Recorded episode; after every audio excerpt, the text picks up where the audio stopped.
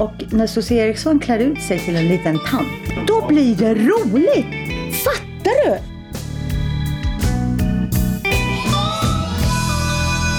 Bastusnack. Hej alla glada bastubadare och bastulyssnare där ute och välkomna till veckans bastusnack. Vi ska börja med att avslöja att det finns en vinnare i förra veckans tävling. Som ni kanske minns så utlyste jag en tävling om vilken roll min kära mor spelade i tv-serien Allt faller. Jag har fått flera svar här och eh, det vinnande svaret kommer från Rut Engvall Melander som svarar Hon spelar Johans mamma. Ja, det är klockrent. Om du skickar mig en eh, postadress så får du ett fantastiskt bastutillbehör av mig så småningom med posten. Eh, vem är jag då? David Granditsky heter jag. Eh, gammal trummis från Uppsala brukar jag säga. Jobbat som ljudtekniker i 30 år drygt. Men just nu så roar jag mig med att sitta i bastun och prata med vänner och bekanta. Den här veckan har jag Susie Eriksson i bastun. Susie Eriksson är ju sångerska och skådespelerska och revyartist och ja, allt möjligt. En väldigt, väldigt rolig människa. Vi har känt varandra i hundra år och eh, som ni kommer att höra alldeles strax så har vi egentligen ingen riktig koll på hur länge vi har känt varandra och vi försöker reda ut det en liten stund. Och jag tänkte ett tag att det här klipper jag ner för det vill inte folk sitta och lyssna på. Men det leder liksom vidare in i själva programmet så ni får stå ut med det. Jag har också funderat på hur mycket jag ska hålla på att förklara alla små detaljer och ord och namn och sånt som nämns här och där. Men jag struntar i det. Ni får mejla mig på eh, bastusnack.popfabriken.se eller ställ en fråga på Bastusnacks hemsida på Facebook. Det går bra det också, så ska jag försöka svara. Och eh, som ni kommer att höra så talar vi lite grann om valborg som inte har inträffat vid det tillfället när vi sitter och talar. Vi, den här podden spelas in lite i förväg. Den är inte helt dagsaktuell. Dagsaktuell var däremot Rea som var en revy som gick på Hamburger Börs i Stockholm mellan år 2000 och eh, 2000, ja, typ 10-12 år eller någonting. Eh, den gick inte oavbrutet, det gick andra shower emellan också, men den gick väldigt, väldigt länge. Den var så aktuell så att vi bytte nummer nästan varje dag ibland. Så det blir helt enkelt en väldig massa prat om rea och mycket annat. Jag hoppas ni tycker om det, men nu raskt till mig själv och Sussi när vi försöker reda ut hur känner vi varandra egentligen?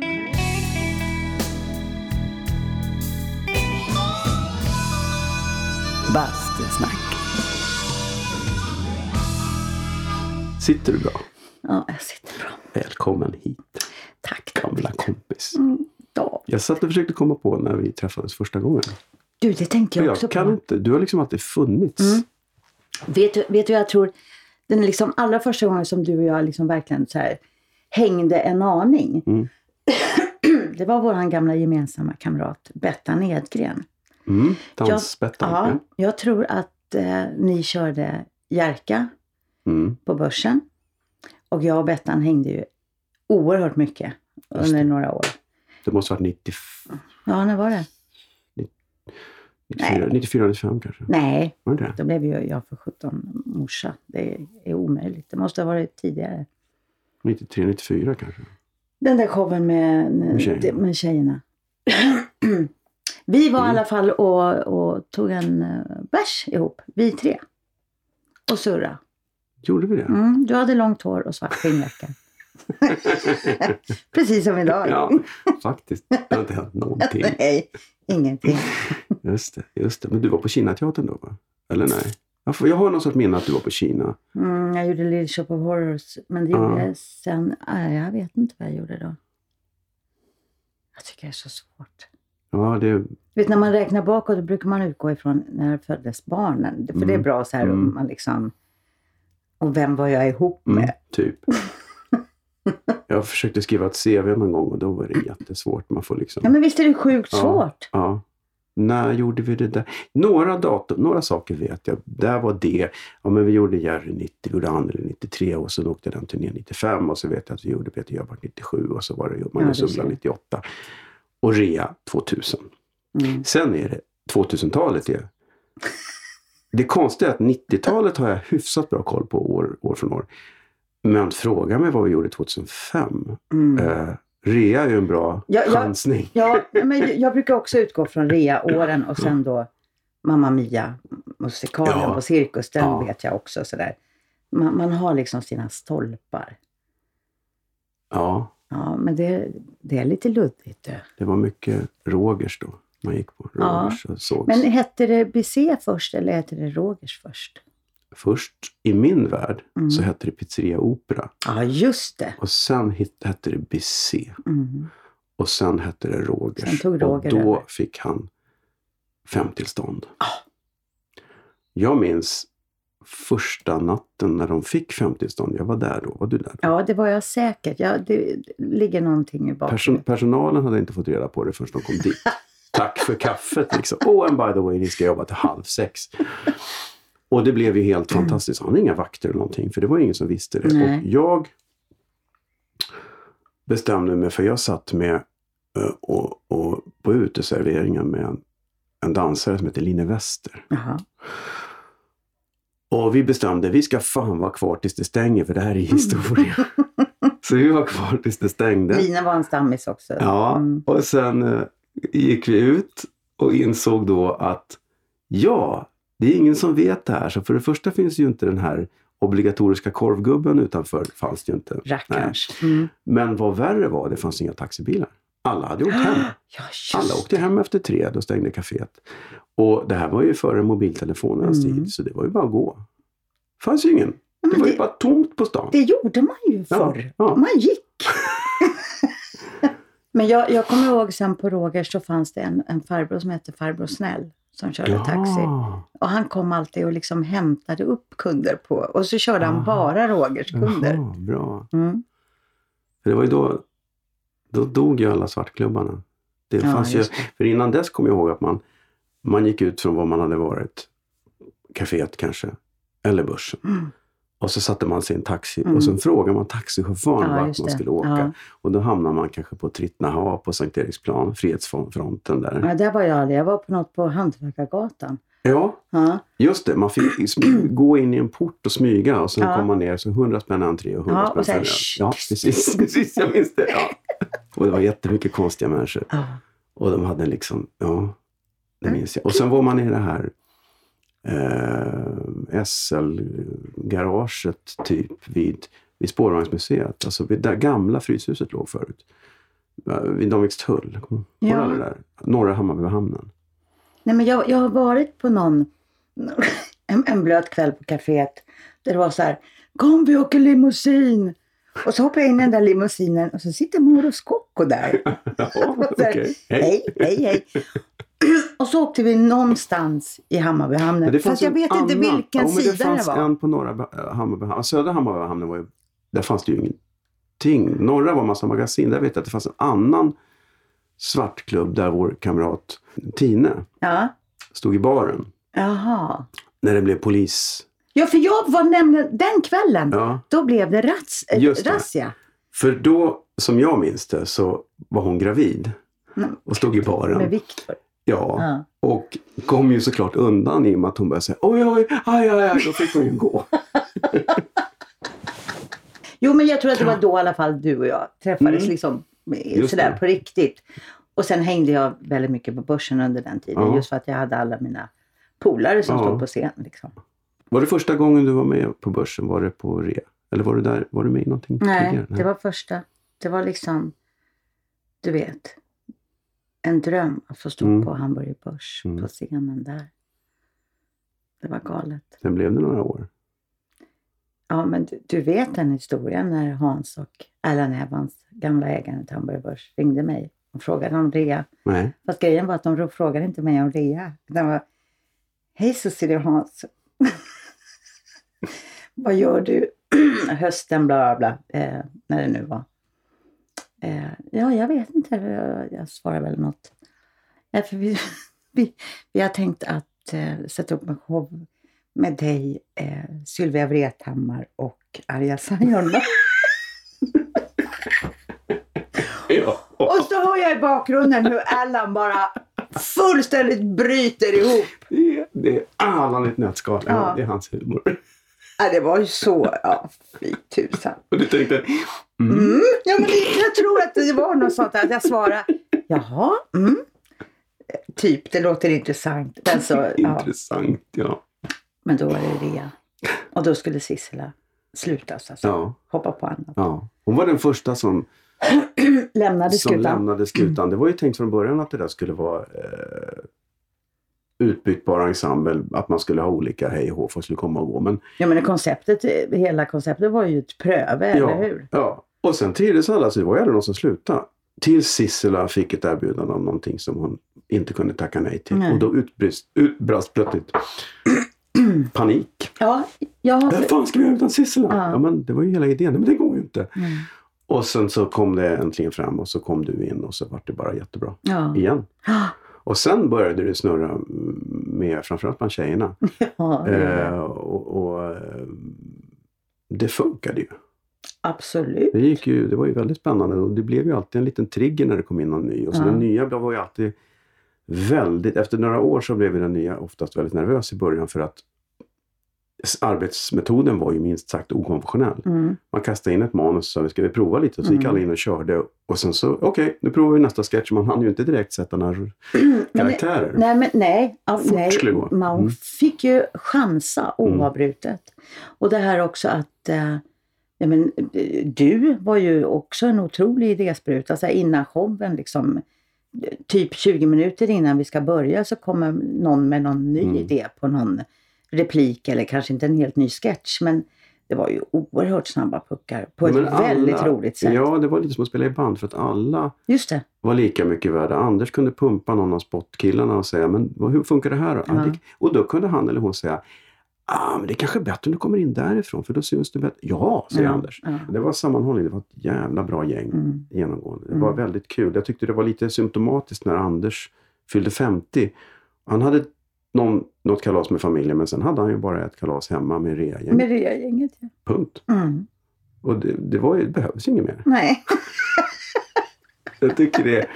Och en av mina största upplevelser Mm. var när jag fyllde 50 och det var så lite som att se Beatles igen när Mm. hela originalcasten plus du Mm. gör en sketch. Jag hade sagt, jag hade droppat det ganska mycket redan ett år innan att det enda jag vill ha i födelsedagspresent det är en rea-sketch. Och så fick jag det. Så Det tyckte jag var, mm, det är rätt manlig över att ha varit. Mm. den enda kraften som lyckades. Det var jättekul. Det var väldigt kul. Men, men alltså, jag måste berätta lite. Alltså, Mm. för, så att, mm, eh, att, att förstå hur mycket liksom rea var och bodde i kroppen på en och gjorde massa gott. Mm. Liksom. Det var när jag eh, hade fått Mamma Mia, musikalen på Cirkus. Mm. Eh, Björn och Benny skulle liksom ta det hem till Stockholm. Det var ju hur stort som helst. Jo men alla i hela stan sökte ju till det. Ja, ja. Eh, och de, eh, producenten ringer till mig och säger vi vill gärna att du spelar rollen som Karin. Mm. Och den där känslan som gick genom min kropp. Nej, då är jag tvungen att lämna det. Och då säger hon så här. ehm, ja, jag pratade med Charlotte här förut. Charlotte Strandberg som fick den, en, den andra rollen. Eh, hon hoppade i sängen och skrek av lycka. Ja, och jag kände så här. Ja, För, mig, det bara rusade en massa Mm. känslor i Mm. kroppen. Så där. Jag, jag vill inte, jag vill inte lämna rea, men jag Mm. kan ju inte. Jag, må- klart jag måste göra det här. Såklart. Såklart. Och det blev ju jättebra och sen kom jag ju tillbaka Ja. till rea. Så det, ja, det, ordna, det ordnade ja. sig. Ja, jag blev förlåten. Men du är ju den enda vad jag vet som har varit med i två spinoffer från Mamma Mia. Vilken är den första då? Den första är ju den här den bortglömda musikalen, den viktiga musikalen, nämligen den som handlar om Karins resa hem. Nej men jösses! ja! ja som men alltså är den. andra delen av krogshowen Primadonnor Ja. med dig och Charlotte och, och eh, Gunilla Ja. Backman. Mm. Det var ju en... Vi gjorde en liten minimusikal. Ja, Karins resa hem. just det. Så idiotiskt. De som förstod den tyckte den var vansinnigt rolig. De andra satt mest som fågelholkar. Ja. Men på det sättet, vi fick ju in lite musik, lite ABBA-låtar Ja. som inte hade också varit med i musikalen, Nej, originalmusikalen. precis, Men det var, ja, det var väldigt roligt. Men just det här att, att se publiken som sitter och så, ja, What bara, ja, undrar vad this? håller de på med? Ja, men det var väldigt roligt. Ja, och sen så är det ju nu Mamma Mia the Party. Mamma Mia the Party på Tyrol, ja. Men sen Mm. har jag ju gjort ytterligare en, en ABBA-show. Men det var ju innan, innan alltihop. Jaha. Och den gjorde Måns Herngren och Hannes Holm på Berns. Ja, men det kommer jag ihåg. Och den Just hette. ABBA The True Story. Story. Mm. Gladys var med där va? Ja, Gladys. Och jag och Anki Albersson som är med på Tyrol nu. Men var inte det typ Gladys genombrott? Jo, det var det. Just Det var det. Och sjöng Winner Takes It All så Kristallkronan var på Berns och skaka. Just det. Ja, det minns jag. Mm. Gick den bra? Det gick jättebra. Ja. Det gick ett Ja. helt år på Berns. Men det måste vara 93. 93. Mm. Ja. Redan då. Redan då. ja. Du är utstakad av ABBA-tolkare helt enkelt. Mm. Det finns de som är Cornelis-tolkare, det finns de som är Taube-tolkare. Du är ABBA-tolkare. ABBA-tolkare. Ja. Hovleverantör av. Mm. När kungen ringer säger Ja. Ja, han skulle behöva lite ABBA här. ja, jag var och sjöng på hans... eh, Ja, just det. Ja. Vad var det han? Vad fyllde han? 70 va? Minst. ja, jag tror det. Ja. Han fyller nu igen.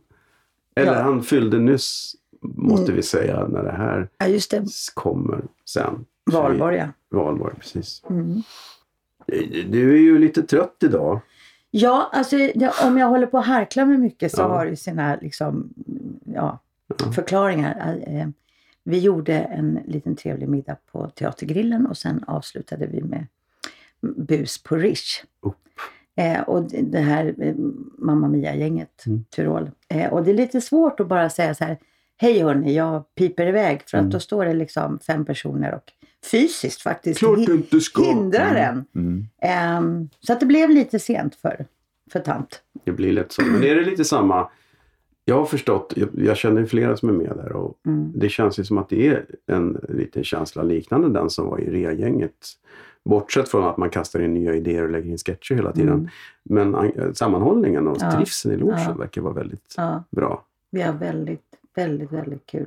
Och jag tror att också ehm, att vi är så tillsammans, alltså Mm. bandet och liksom ensemblen, att vi blir som en enda stor ensemble bara. Mm. Ehm, det gör mycket. Och sen så är det det här att vi är i publiken hela Mm. tiden. Vi är liksom i ansiktet på folk.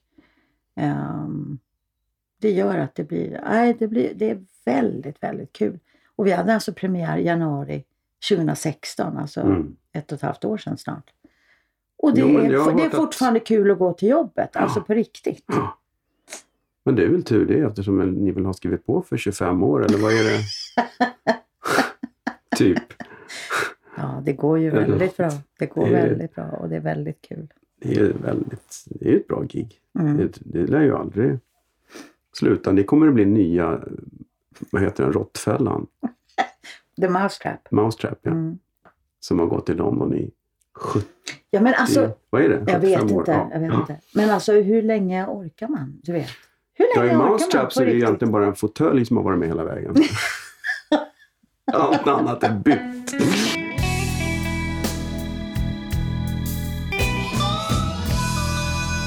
Bastusnack. Om man vänder på hela, eh, hela historien. Japp. Du, en av de roligaste grejerna som du gjorde, nej det kan jag inte säga. En rolig grej du gjorde i rea, Mm.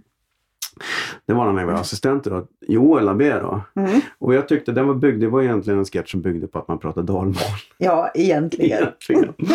Och det är du väldigt bra på Ja, eftersom det är ditt ja men det har ju sin... Ja. landskap. Ja, jag har ju aldrig liksom levt och bott där, alltså gått i skola. Jag har inte liksom, ehm, vilket folk tror. Eh, för grejen är, jag är ju född och mina fyra första år i Huddinge. Mm. Och sen Det är södra Solna. Dalarna.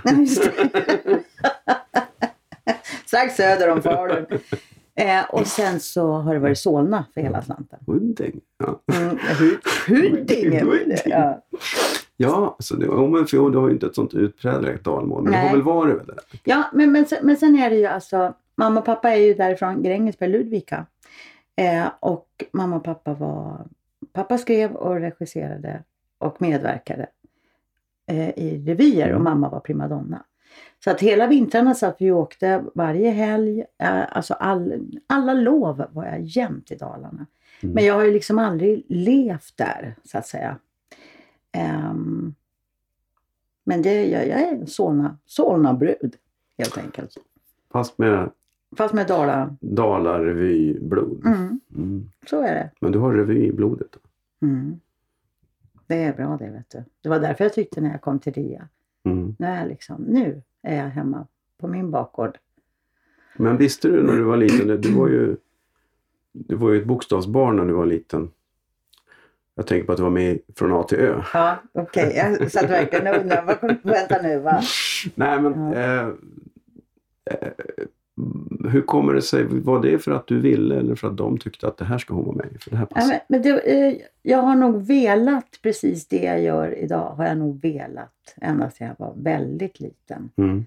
Eh, jag lekte och var med när, eh, när mamma och pappa repade, alltså på revyerna. Jag var jämt med. Sökte ljuset. Det, det minns jag. Hur det kändes att stå i en spotlight. Ja, men det är ju Mm. helt otroligt. Jag band så här, eh, sjalar i hår för jag skulle ha långt hår. Så Mm. stod jag, och så hade jag nog sett någon utav de äldre tjejerna att de fuktade med tungan läpparna så här så det skulle glä- glänsa lite. ja, det där tyckte jag var härligt. Och sen så um, var det utav en tillfällighet. Eh, mamma och pappa, eller hela familjen, var god vän med Karl Anton Axelsson, eh, trubaduren Mm. och vissångaren. Eh, och konstnären ska jag tillägga. Ja, Men det är samma Karl Anton som i Vita bergen? alltså? Ja, precis. Mm, just det. Hans dotter eh, skulle vara med på Radioteatern Mhm. och göra en grej. Och hon och jag var bästisar. Och då sa Isabelle, som hon heter, nej jag tänker inte vara med om inte Susie får vara med. du vet, i den åldern. Ja. Eh, jag var sex. Och så gjorde jag min första radiogrej. Och sen tog det fart utav bara tusan. Så jag liksom... Jag, satt och, jag var i skolan och sen så stod det alltid en taxi och väntade på mig i skolan. Så körde mig till Radiohuset. Jag hade jobb hela tiden. Det är du och Michael Jackson. Nej, jag har märkt det. Jag har det. Nej, så mamma brukar skryta med att jag var, liksom, jag var självförsörjande Ja. hela min uppväxt. Gick du gymnasiet eller fortsatte du jobba bara? Eh, nej, jag ville ju bara att skolan skulle vara Mm. över så jag kunde få börja lära mig hur man gör teater på riktigt. så att, men jag, min idiot, tyckte väl att ja, men en treårig humanistisk linje, hur svårt kan det vara? Det kan jag väl kvista iväg. Eh, så jag plågade mig och skrattade och sprallade mig igenom tre år Mm. i, på Vasalundsskolan i Solna. Och hoppades att det skulle ta slut någon gång. Men då fick du lite språk med det åtminstone? Ja, om jag hade varit koncentrerad på Ja. lektionerna hade det ju varit väldigt lämpligt och bra kanske att ha Mm. idag. Jag har ingenting kvar kan jag säga. Min far sa åt mig, Susie, hoppa av. Oj! Mm. Nej, sa jag. När ens föräldrar, det är, Ja. det är väldigt omvänt som det Ja. brukar vara. Nej, men han såg Du får gärna bli skådespelare bara du går ut skolan. Var det hoppa av. Ja, nej, men han såg ju att men det här funkar inte. Hon Nej. måste ju få göra det hon är liksom, som finns, som bara surrar och durrar i kroppen på henne. Men du körde rakt jobb. Du sökte inte några scenskolor och kurser och grejer? jag, jo, jo, då hoppade jag på, direkt efter gymnasiet hoppade jag på Kulturamas, eh, en teaterlinje. Mhm. Och gick den ett år och sen hörde jag, vänta nu, det är någon som sjunger där inne. Ja, vi har startat en musikallinje. Mhm. Hmm, sa jag. Där kanske är. Ja. Så då gick jag den ett år. Vilket år var det här? Hörde du, nu pratar vi om eh, 83, 84 kanske? Jag gick ju där då. Ja, du, Jag gick ja, men ju jag slagverkslinjen. kommit på sen, eller har jag sett. Vi måste ju gått där samtidigt. Vi måste ha gått det samtidigt, förstår du. Fan att man inte har några skolfoto. Jag har ju bara klassfotot Mm. Ja, jag med. Jag med. med en massa gamla trummisar. Mm. Men, eh, jaha, Ja. vad roligt. Mm. Tänk om man fick liksom ha en, en kamera på väggen där och se hur vi passerar varandra. Så tänker man, nu ja, de anar ingenting i framtiden. det var nog flera, jag tycker mig ha stött på, då och då stöter jag på folk som, Ja. när man säger, ja fan, gick vi, du måste också vara där då. Ja.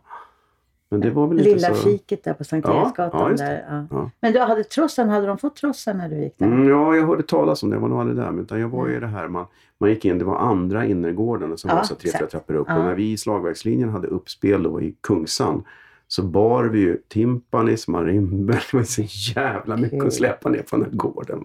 Men det var jätteroliga år tycker jag, de Ja. här två åren på Ja. Kulturama. Och sen på något vis så liksom hängde jag kvar där så att jag jobbade Mm. lite extra. Alltså du vet sådär, hej välkomna, vilken kurs ska du gå i Mhm. receptionen på Trossen? Just, Mm. För där var det ju bara dansstudios. Mm. Så där hängde jag kvar lite.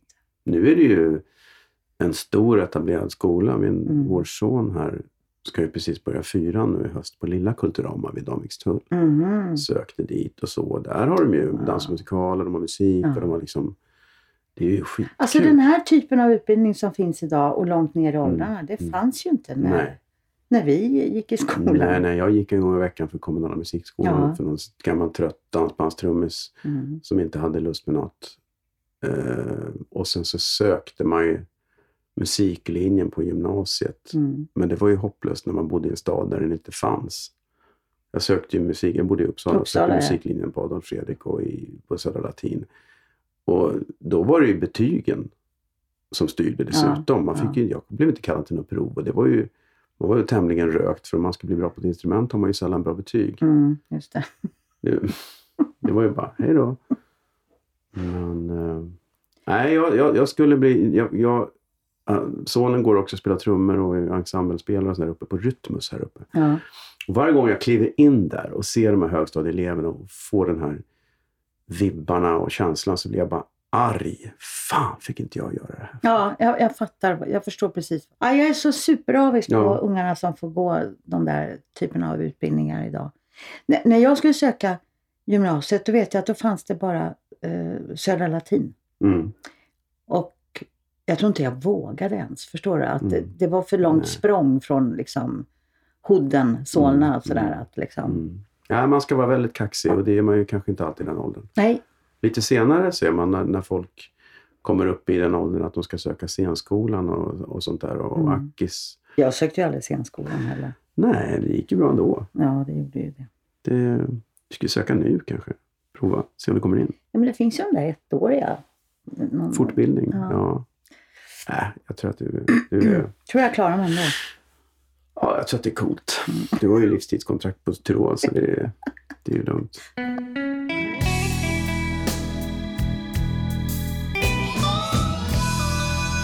Bastusnack. Jag är lite impad av också ditt eh, övriga levnadsöde, höll jag på att säga. Det lät jävligt dramatiskt. Mm. Eh, parallellt med att du kör revy, vi körde ju fan fem kvällar i veckan bitvis på den tiden när folk gick ut, tisdagar och onsdagar. Så var det ju hockeymorsa också, Mm. samtidigt. Mm. Och det var fan, det stod i en ishall åtta på morgonen. Mm. Det är väldigt imponerande tycker jag. Ja, men då när vi började jobba ihop och vi jobbade mycket Ja. eh, på den tiden så var jag ju, hade jag ju ett litet barn. Ludvig var ju liten. Mm. Alltså han var ju bara något år eller två. Mm. Och så hade jag Oskar då som var tio eller vad han var. Och det, ja. Jo, men sport hade, eftersom pappa och brorsan, jag är liksom uppväxt i det där Mm. liksom, med, med sport. Ehm, så att det var, det, att, att, att Oskar valde att hålla på med sport, det tyckte jag var, var, var toppen. Mm. Och grejen är att jag har alltid tyckt att det har varit toppen att vara sportförälder. Mm. Jag har sällan gnällt. Men jag minns under de där åren, första åren på rea, Mm. när jag hade, Ludvig var liten och jag showade och var hemma vid 12. Och sen vet jag att jag skulle vara i Vällingby ishall, samling 6.40. Du vet, alltså, den, Mm. de, de månaderna, det är klart att det var tungt. Då var det inte så jäkla kul hela Och vi tiden. bara, Sussie, kom kan du ta en öl? Gud vad du är tråkig. Vi Ja, stannar och tar en öl jag vet, här. jag satt och Ja. drack lättöl och Ja. så här, ah, gud. Nej, men det, det är klart att det var tungt. Men jag, jag, eh, jag kan bli lite så här, man ser framförallt på Instagram. Gud, så här sitter jag i den här kalla ishallen igen. Mm. Och det är suck och stön och Mm. det är så besvärligt. Ja, men vad fan, klä på dig då människa. Jag tyckte mer... Eh, Ja, eh, Ruben ville, Ja, Jag tycker det är Han ville gå på, underbart han, att, han ville gå på att han håller på med Ja. sport, David. Ja, fast det har varit en lång resa dit för att han, han ville åka skridskor. Mm. Och då fanns det liksom ingen skridskoskola utan det fanns det konståkning. Mm. Men det berättade inte vi för honom. Vi sa att det var en skridskoskola. Han undrade varför det var så mycket tjejer. varför alla vita skridskor? Det fanns inget annat.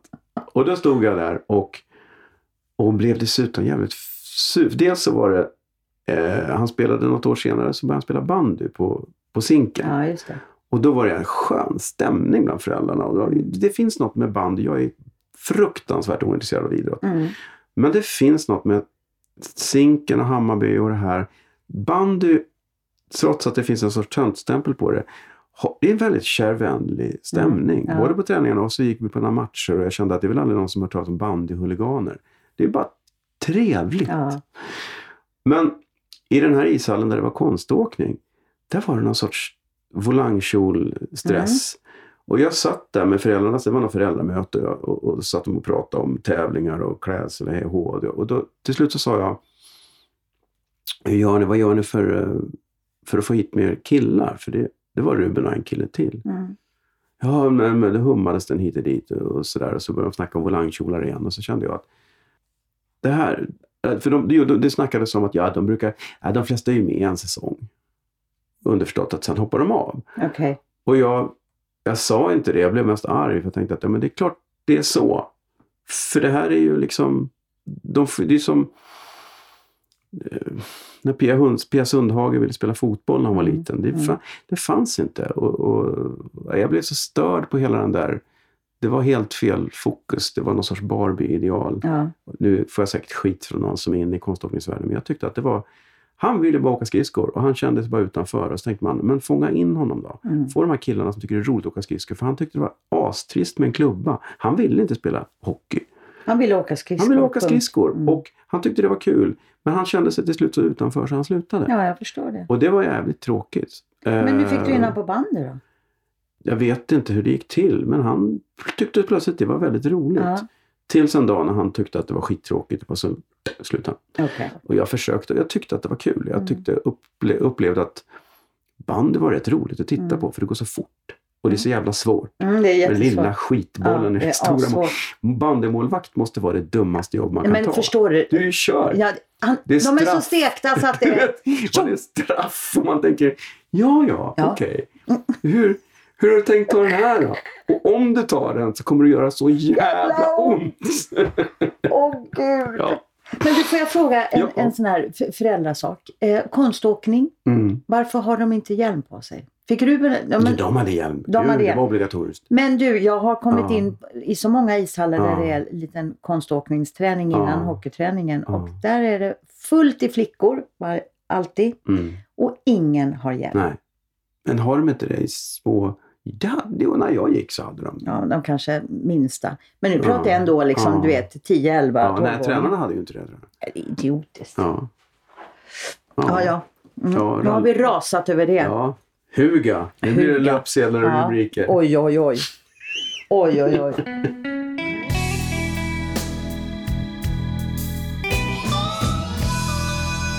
Bastusnack.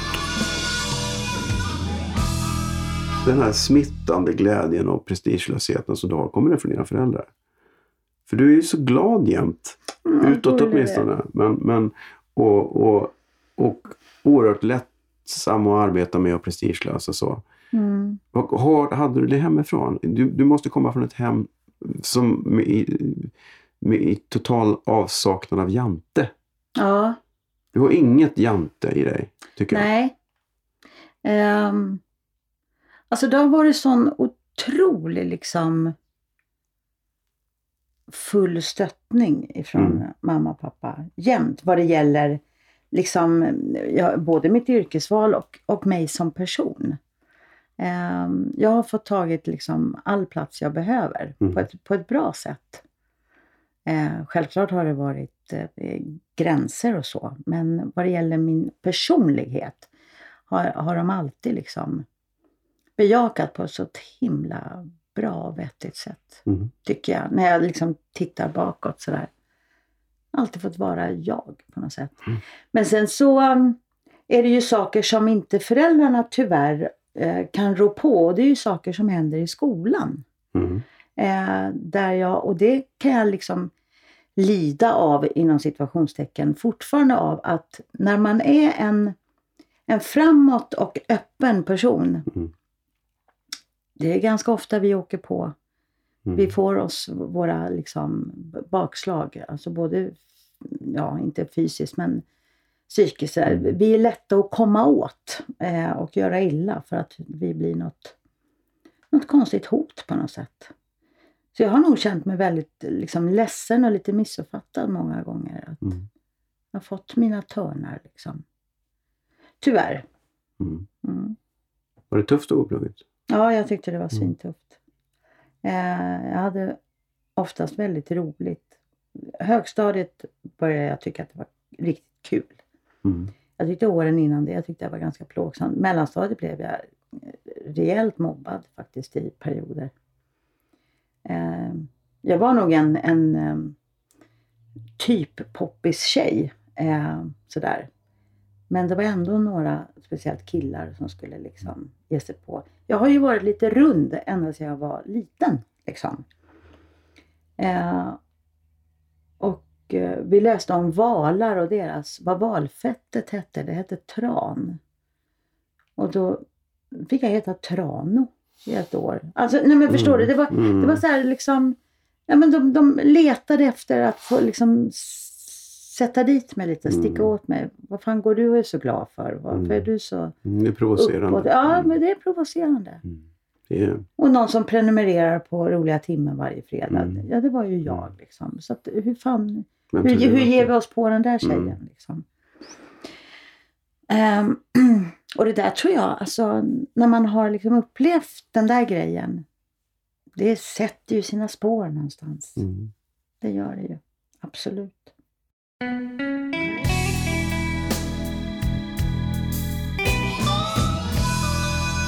Bastusnack. Du jobbar ju skitmycket. Du har så mycket att göra jämt. Ja, Hur gör du för att jämt. samla kraft till det? Hur gör du för att ta dig långa promenader eller ta dig Mm. långa semestrar? Eller hur? Du har ju en otrolig energi. eh, tack. Ja. Ja, um, hörru du, så här är det, tror jag. Ehm, jag har ju vänner som säger så här, så nu måste du ta semester. Mm. Ehm, ja, säger jag. Och jag, jag förstår ju vad de menar. Men jag tror att jag har haft sån tur. Så att de jobben jag gör är, är uppåt jobb Mm. som jag brukar säga. Det är inget som är tungt, som tynger ner mig, som gör mig... Det är klart jag är slut Mm. ibland. Det är långa kvällar på tråd. Ja, det är det. Och det är när man spelar en full vecka, Ja. alltså onsdag, torsdag, fredag, dubbel lördag, sen kommer söndagsmatinén. Äh, men, alltså, ibland är man fullständigt, ja, du vet, mör, hes, man är ja, slut. Eh, men jag tror att det är det, att jag har de där uppåt-jobben som gör att för jag utgår så oerhört mycket ifrån min egen lust. Mm. Det är liksom hela tiden att det ska vara lustfyllt. Så att, då tror jag att det dränerar mig inte direkt. Eh, Men du verkar ha haft flyt. Du har ju inte gjort så många produktioner som har varit dränerande. Nej, det har jag. De flesta har ju varit ganska Ja. roliga. Då pratar jag inte bara att det är komedier utan att du du har ju förmåga att hamna i bra gäng. I bra gäng, ja. Och i bra produktioner. Och också ganska långa produktioner.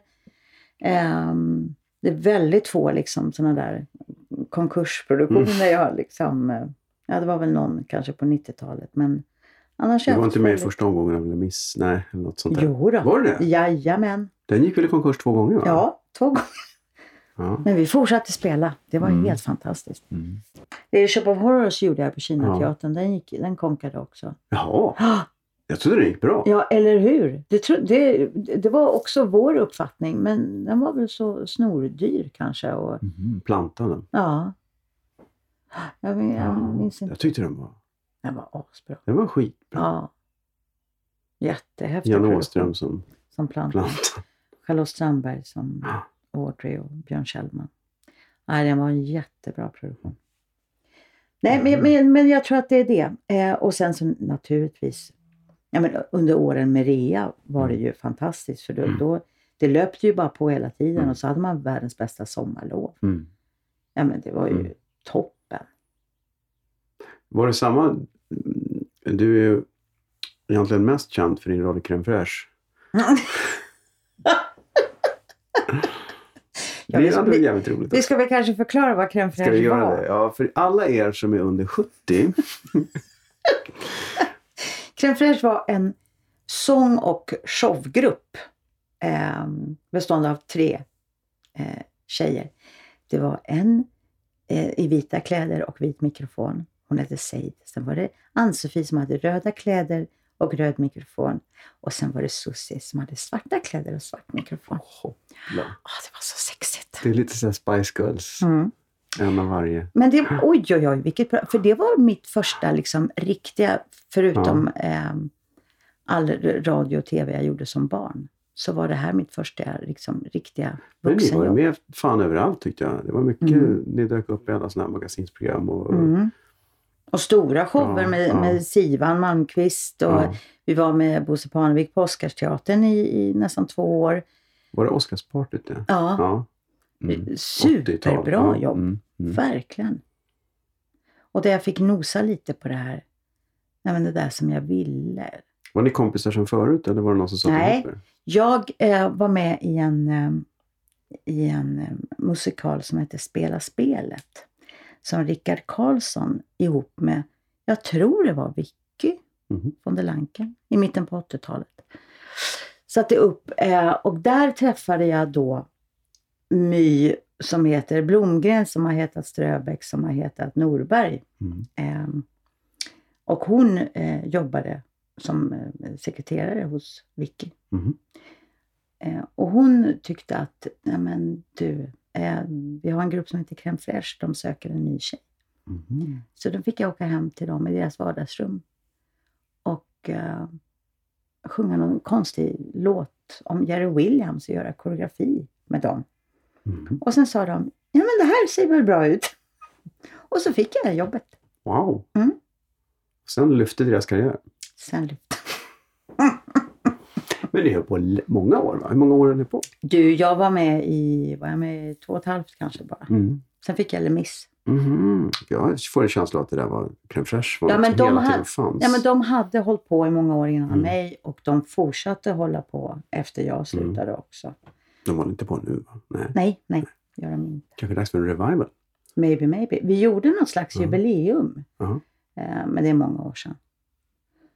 Som var, vi var på Nalen med våra gamla musiker, med, med Gardemar. Och, Mm. ja, det var superkul. Det har blivit dags för Skämskudden. Herregud vad pinsamt. Skämskudden. Gamla demon. Du är inte den, du är den skämmiga typen. Du verkar stå för det mesta. Nej, men jag, jo, ja, men jag är ganska skämmig. Är du det? Ja, jo, jag kan vara det. Jag kan faktiskt vara det, David. Vad skäms du för? Mm. Har du gjort något som du kände det här var bra, Ja. men det var det inte? Nej, men alltså vad jag egentligen hade velat haft med mig till dig, men som Mm. jag inte har. Det är ju de här gamla demos, demogrejerna man gjorde. Mm. Eh, när man började sjunga i band och sådär. Där man trodde att nu sitter det, nu, Mm. nu breakar det liksom. Ehm, och där jag tyckte att, åh, vilken stor fyllig röst jag har. Och jag tycker jag bara hör, nej men det, det, det är hemskt. Och sen så försökte jag leta också efter gamla crème fraîche-klipp. Där man också tyckte att man kände sig lite, man kände sig lite snygg. och att det satt som fan. Och det, nej, Ah, nej. Men tyvärr ligger allting nerpackat i Mm. kartonger i ett förråd i Bromma. Så att jag har inte kommit åt det där. Ja, men vi, Men du du- har väl ett par grejer du skulle kunna sitta och Ah. tala om för mig vad jag har gjort också? Vi har ju en monolog som jag drog iväg mitt första år i rea. den är nog... His, ja, vi pratar historiska floppnummer. Ehm, Jag har två med det som, är, som kan gå Ja, under den. Eh, Jag, jag, jag ska tänka efter hur jag ska formulera mig för att inte göra någon ledsen. Men det var en, en monolog som handlade om ett ämne kan man säga som man internt i branschen tycker är väldigt roligt ofta och skämtar om. Mm. Eh, och vi tänkte yes, den här är bra. Och den var ganska lång. Den var väldigt lång. Och vi hade en prov, den gick nog aldrig till premiär, för vi hade Nej. första publikföreställningen. Och så kommer man, du kommer in och det börjar och det är så jävla tyst. Eftersom vi alla då kollektivt inser att mm, det här är just en intern rolighet. Mm. De i publiken känner till fenomenet. Och tycker det är toppen. De tycker det är toppen. Ja. De förstår inte vad det är som är. De, det blev väldigt, väldigt långt och smärtsamt. Och plågsamt. Ja. Den minns jag som en skämskudde. Mm. Men, men det var ju inte den där skämskudden där man tycker att jajamän, där satt Nej, den. det Och så var gör- skämskudden där det var... den, det här- den infann sig direkt Nej, man kan vill man säga. tillbaka bandet och Ja. säga, kan vi inte... Det var lite som något, någon, också någon provföreställning när Babben kliver rakt in på scenen. Så står hon mitt på scenen i kostym och så tittar hon ut och säger hon, Nej, men här ska inte jag vara. Och så går hon ut igen. och det var så bra. För hon hade, hon hade ju rätt. Det var ju sant, men det var ju nästan som man behöll det för att publiken tyckte det var jätteroligt. Väldigt roligt. Men du, jag, jag gjorde en grej till också. Det, det handlar ju om det här med det, inter, den interna humor och, Mm. och, och vad man liksom i branschen kan Mm. tycka är roligare än, ja du vet. Och då skulle jag göra eh, Bounce. Alltså dansgruppen Bounce. Ja, Hade, och då skulle jag vara just hon den fräna koreografen eh, Jenny. Jenny Widegren. Mm. Och jag skulle bara vara Jenny utan någon anledning. Och in och hade ett danssolo. Nej, men, och, jag- alltså jag och Hans när vi repade där, Marklund, alltså vi skrattade så vi kissade ner oss. Och sen när jag ska gå ut och göra det för publik. Nej men det var helt Ja, det obegripligt. där är ju inte likt Bounce. det kom inte med eller? Åh Det- nej, det nej, nej, nej, nej. Vi gick, var typ första publik. Och du vet, Ja. alltså, nej, men hur många gånger i det har man gjort publikrep där man liksom på väg ut från Ja. scenen säger högt nej, nej. För man känner direkt att nej. I motsats till det fantastiskt roliga numret med just ABBA, ABBas återförening Ja. som gamla, som ju var en video, en, en sketchvideo. Den ligger på Youtube. Den, den finns på Youtube. Mm. Den, den, jag lägger upp en länk på, på Bastusnacks Facebook-sida sen. Det var, den var ju strålande rolig. Ja, väldigt Ja. Jag har ju två pärmar fulla med nummer eh, och då talar vi bara körschemana, alltså bara titlarna på numret. Det, det ja, Alltså så kul. B- bara, det, det måste du förklara. För alla ni som lyssnar.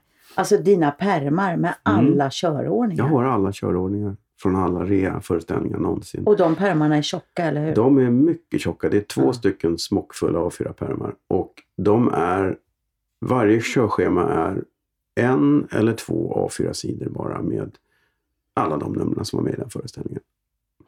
Och det kommer ju ett nytt körschema till varje gång man ändrar föreställningen. Ja. Och det är ju enormt många. Ta- Tack och lov så står det årtal på vissa av dem och sånt. Ibland så får man ett samtal. Kan du fixa en inspelning på det och det numret? Mm. För att jag har spelat in nästan allting också. Ehm, men då är det skönt att man har årtalen för att hitta dem. Men det, och så är det alltid lite varianter på dem och det. Och ni, jag tyckte det var, så- var så kul. Det var någon gång när, när Babben och Sissela var jävligt trötta på sina nummer så bytte de roller. Ja, det, Gjorde det, ni det också? Nej, det gjorde Nej. vi aldrig. Men det vet jag, det har Ja. jag hört. Eh, det var det Labero de Mm, bytte mm. och någon annan. Ja. Mm. Det, nej, det var härligt. Mm. Mycket rea. Men du, jag tycker... ehm, en annan väldigt rolig grej som du gjorde var ju Carro Segemyhr. Ja. Det var ju skitkul Ja. också. Det kan jag känna eftersom vi står nu på Tyrol och tar emot publiken som Mm. kommer varje kväll.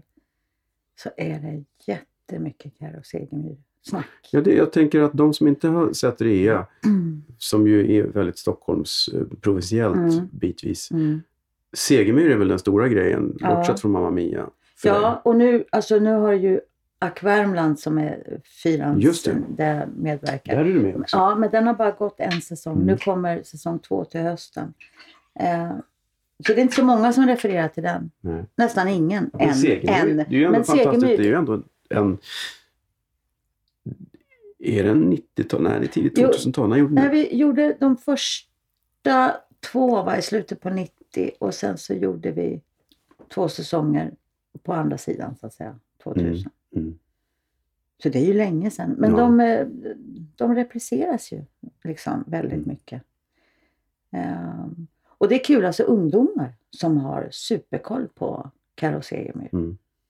Det är jättekul tycker jag. Jag pratade med Anneli om det. Mm. Ja, hon tyckte det var så roligt att det var just en sitcom som spelades in för levande publik. Ja, så var det ju första två säsongerna. Ja.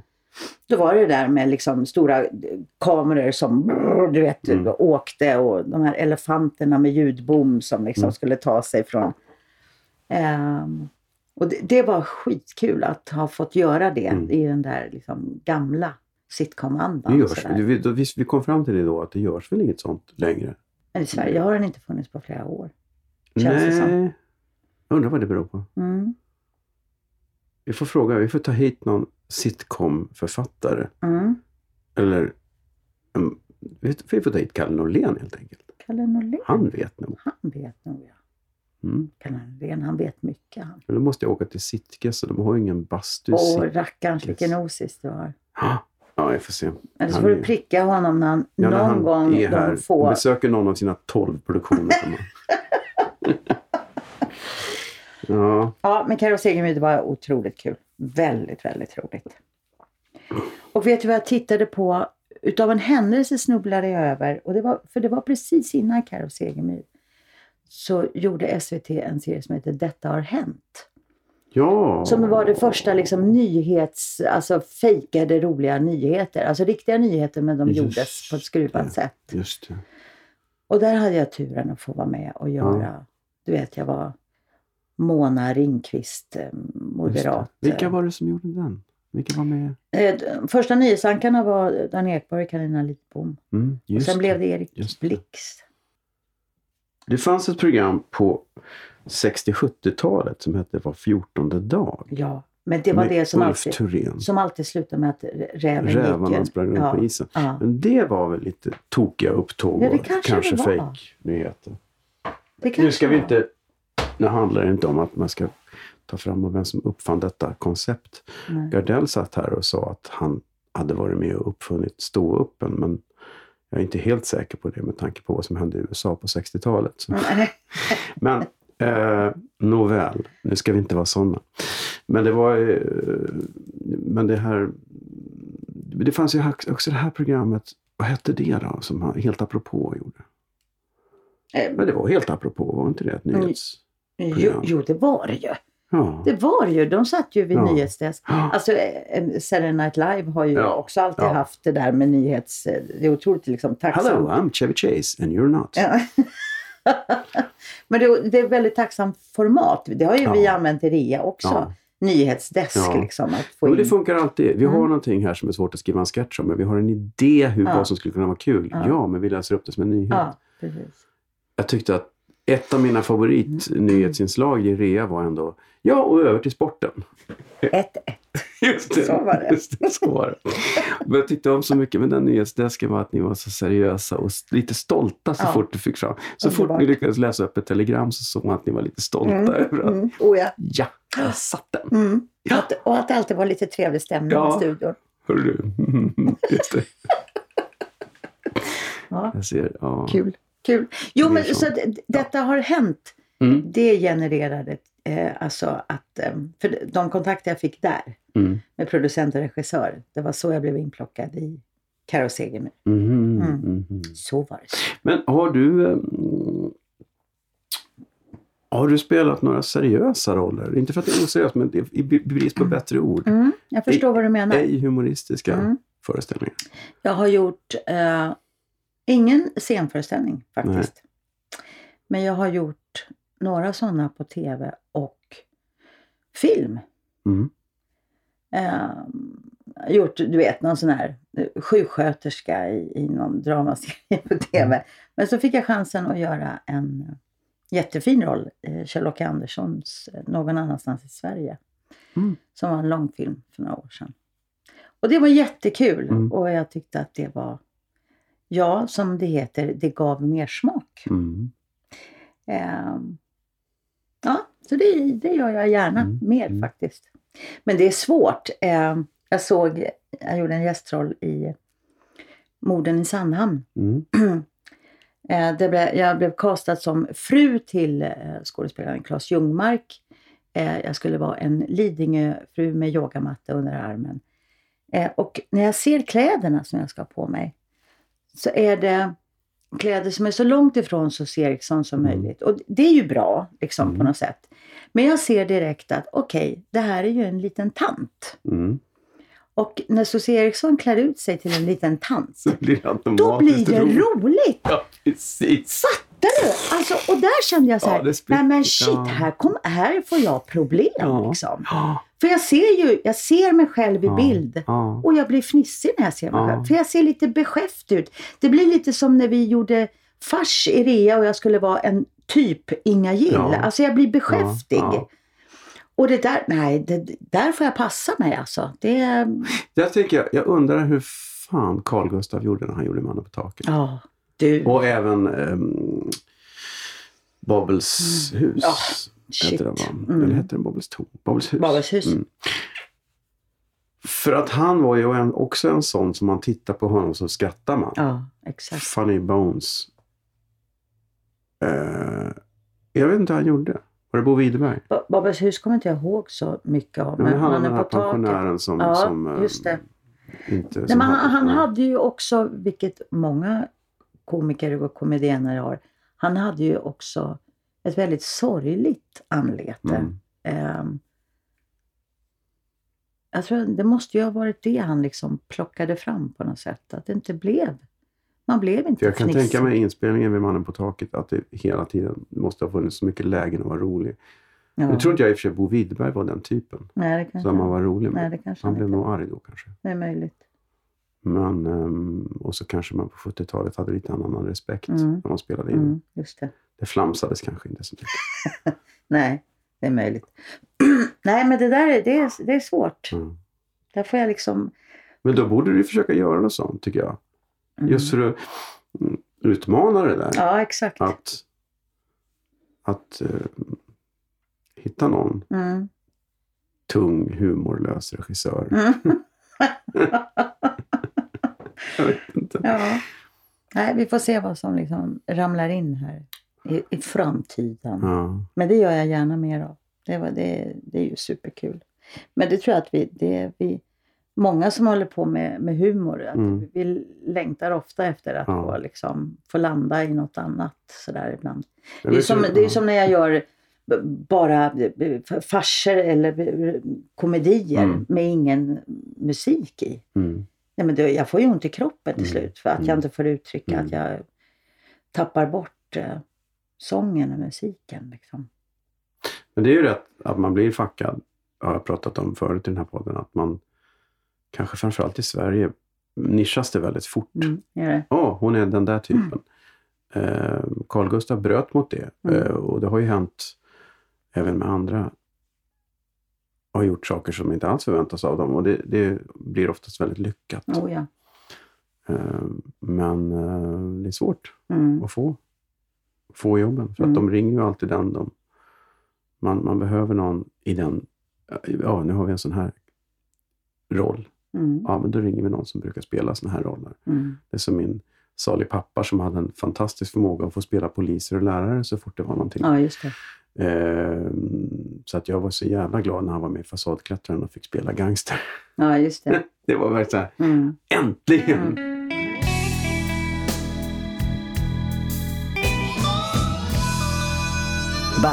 Bastusnack. Du var med i Spök också och där Mhm. hade du en... Det var ju en väldigt, väldigt blandad ensemble av eh, Melodifestivalstjärnor och Ja. eh, förlåt Lena, och operasångare och eh, Mm. eh, Ja, det fanns ju en annan Melodifestivalstjärna där också. Ja, Just det. Ja, ja. Så det kan man säga. En Eurovisionvinnare. En Eurovisionvinnare. Fast det var han inte då.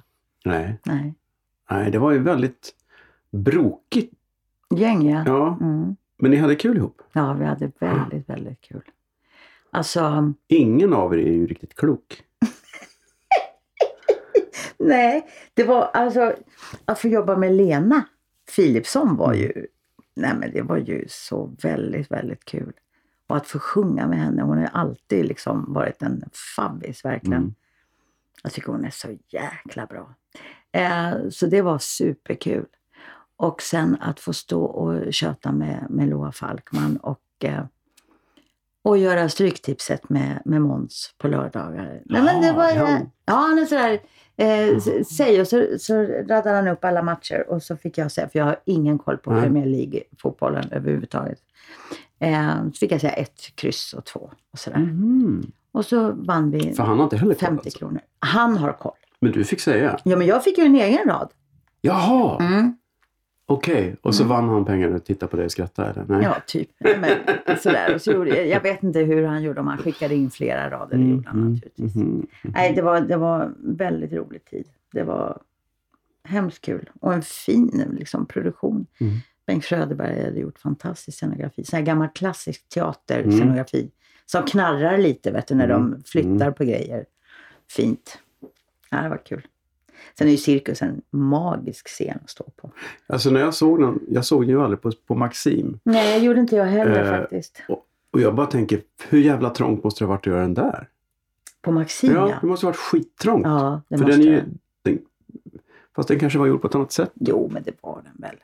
Det, det får vi väl anta. Det är ju många, många år Den finns säkert på Youtube. Jag har inte tänkt på att Nej, det gör den Gör inte. Nej, för jag vet då i alla fall att jag letade. efter Öppet den. arkiv kanske? För den måste ju ha Möjligt. gjorts på SVT. Jag har ett vagt, vagt minne att jag har sett jag den på TV. sett, ja, jag med.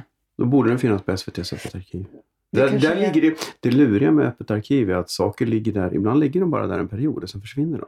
Mhm. Det måste vara någon sorts rättighets... Eller, där hittade jag en tidig Börsen-show som är helt fantastisk. Mhm. Apropå det, Björn Skifs vanska vinsch. Ja, just det. Som är fortfarande bland det häftigaste jag sett i krogshowväg. Med världens minsta vridscen. Och en vridscen så var, ja, var den två meter i diameter. men det var tre olika bilder på den. Jaha. Det var, den finns på Öppet arkiv. Så att hittar man inte spök på Öppet arkiv så kanske man hittar Anska Vinsch. Nåväl. Eh, men eran version av spök, televiserades den? Nej, tyvärr. Det gjorde den icke. Den bandades väl säkert internt, det gör ju allt. Ja. Jo, någon sitter Men, väl och har den ja, kanske. den dyker, väl upp. den dyker väl upp på Youtube den dagen någon vågar lägga ut. Ja, ja, precis. Nej, men det där med öppet arkiv är ju, det är ju Mm. superkul. Jag gjorde ju så väldigt mycket tv när jag var liten. Men Mm. framförallt radio.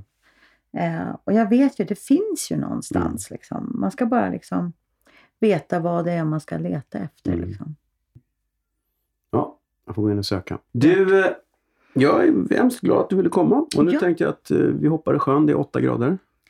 Åh, precis. Alltså Ja. jag är ju sån sjuk badkruka. jag tycker ju inte om att bada i kallt vatten. Men det är ju inte kallt, det är Jo, åtta, åtta grader. gra- Alltså, åtta grader. åtta grader, du vet. Det är ju... jättekallt. Jag har ju aldrig gjort de här isplumsgrejerna heller. Bada bastu. Isplums. Nej, men då tycker jag det är på tiden. Då går jag och byter om då. topp, topp. Ja. Mm. Hej hopp!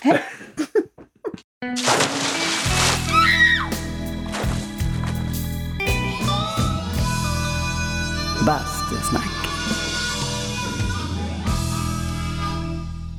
Ja, eh, Susse blev lite förkyld av badet men hon har säkert repat sig nu. Jag fick lite feeling för det här med tävlingar så att eh, vi kör en tävling till. I början av podden så pratar vi om ett eh, ställe som hette Pizzeria Opera och mm, till slut hette Rogers eh, med mera, med mera. Veckans fråga är helt enkelt, vad heter denna restaurang idag? 2017? Hmm.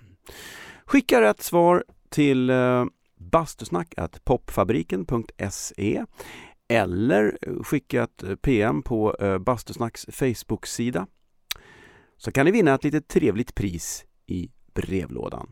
Ja, det var allt för denna gången. Ha en härlig vecka och eh, basta försiktigt!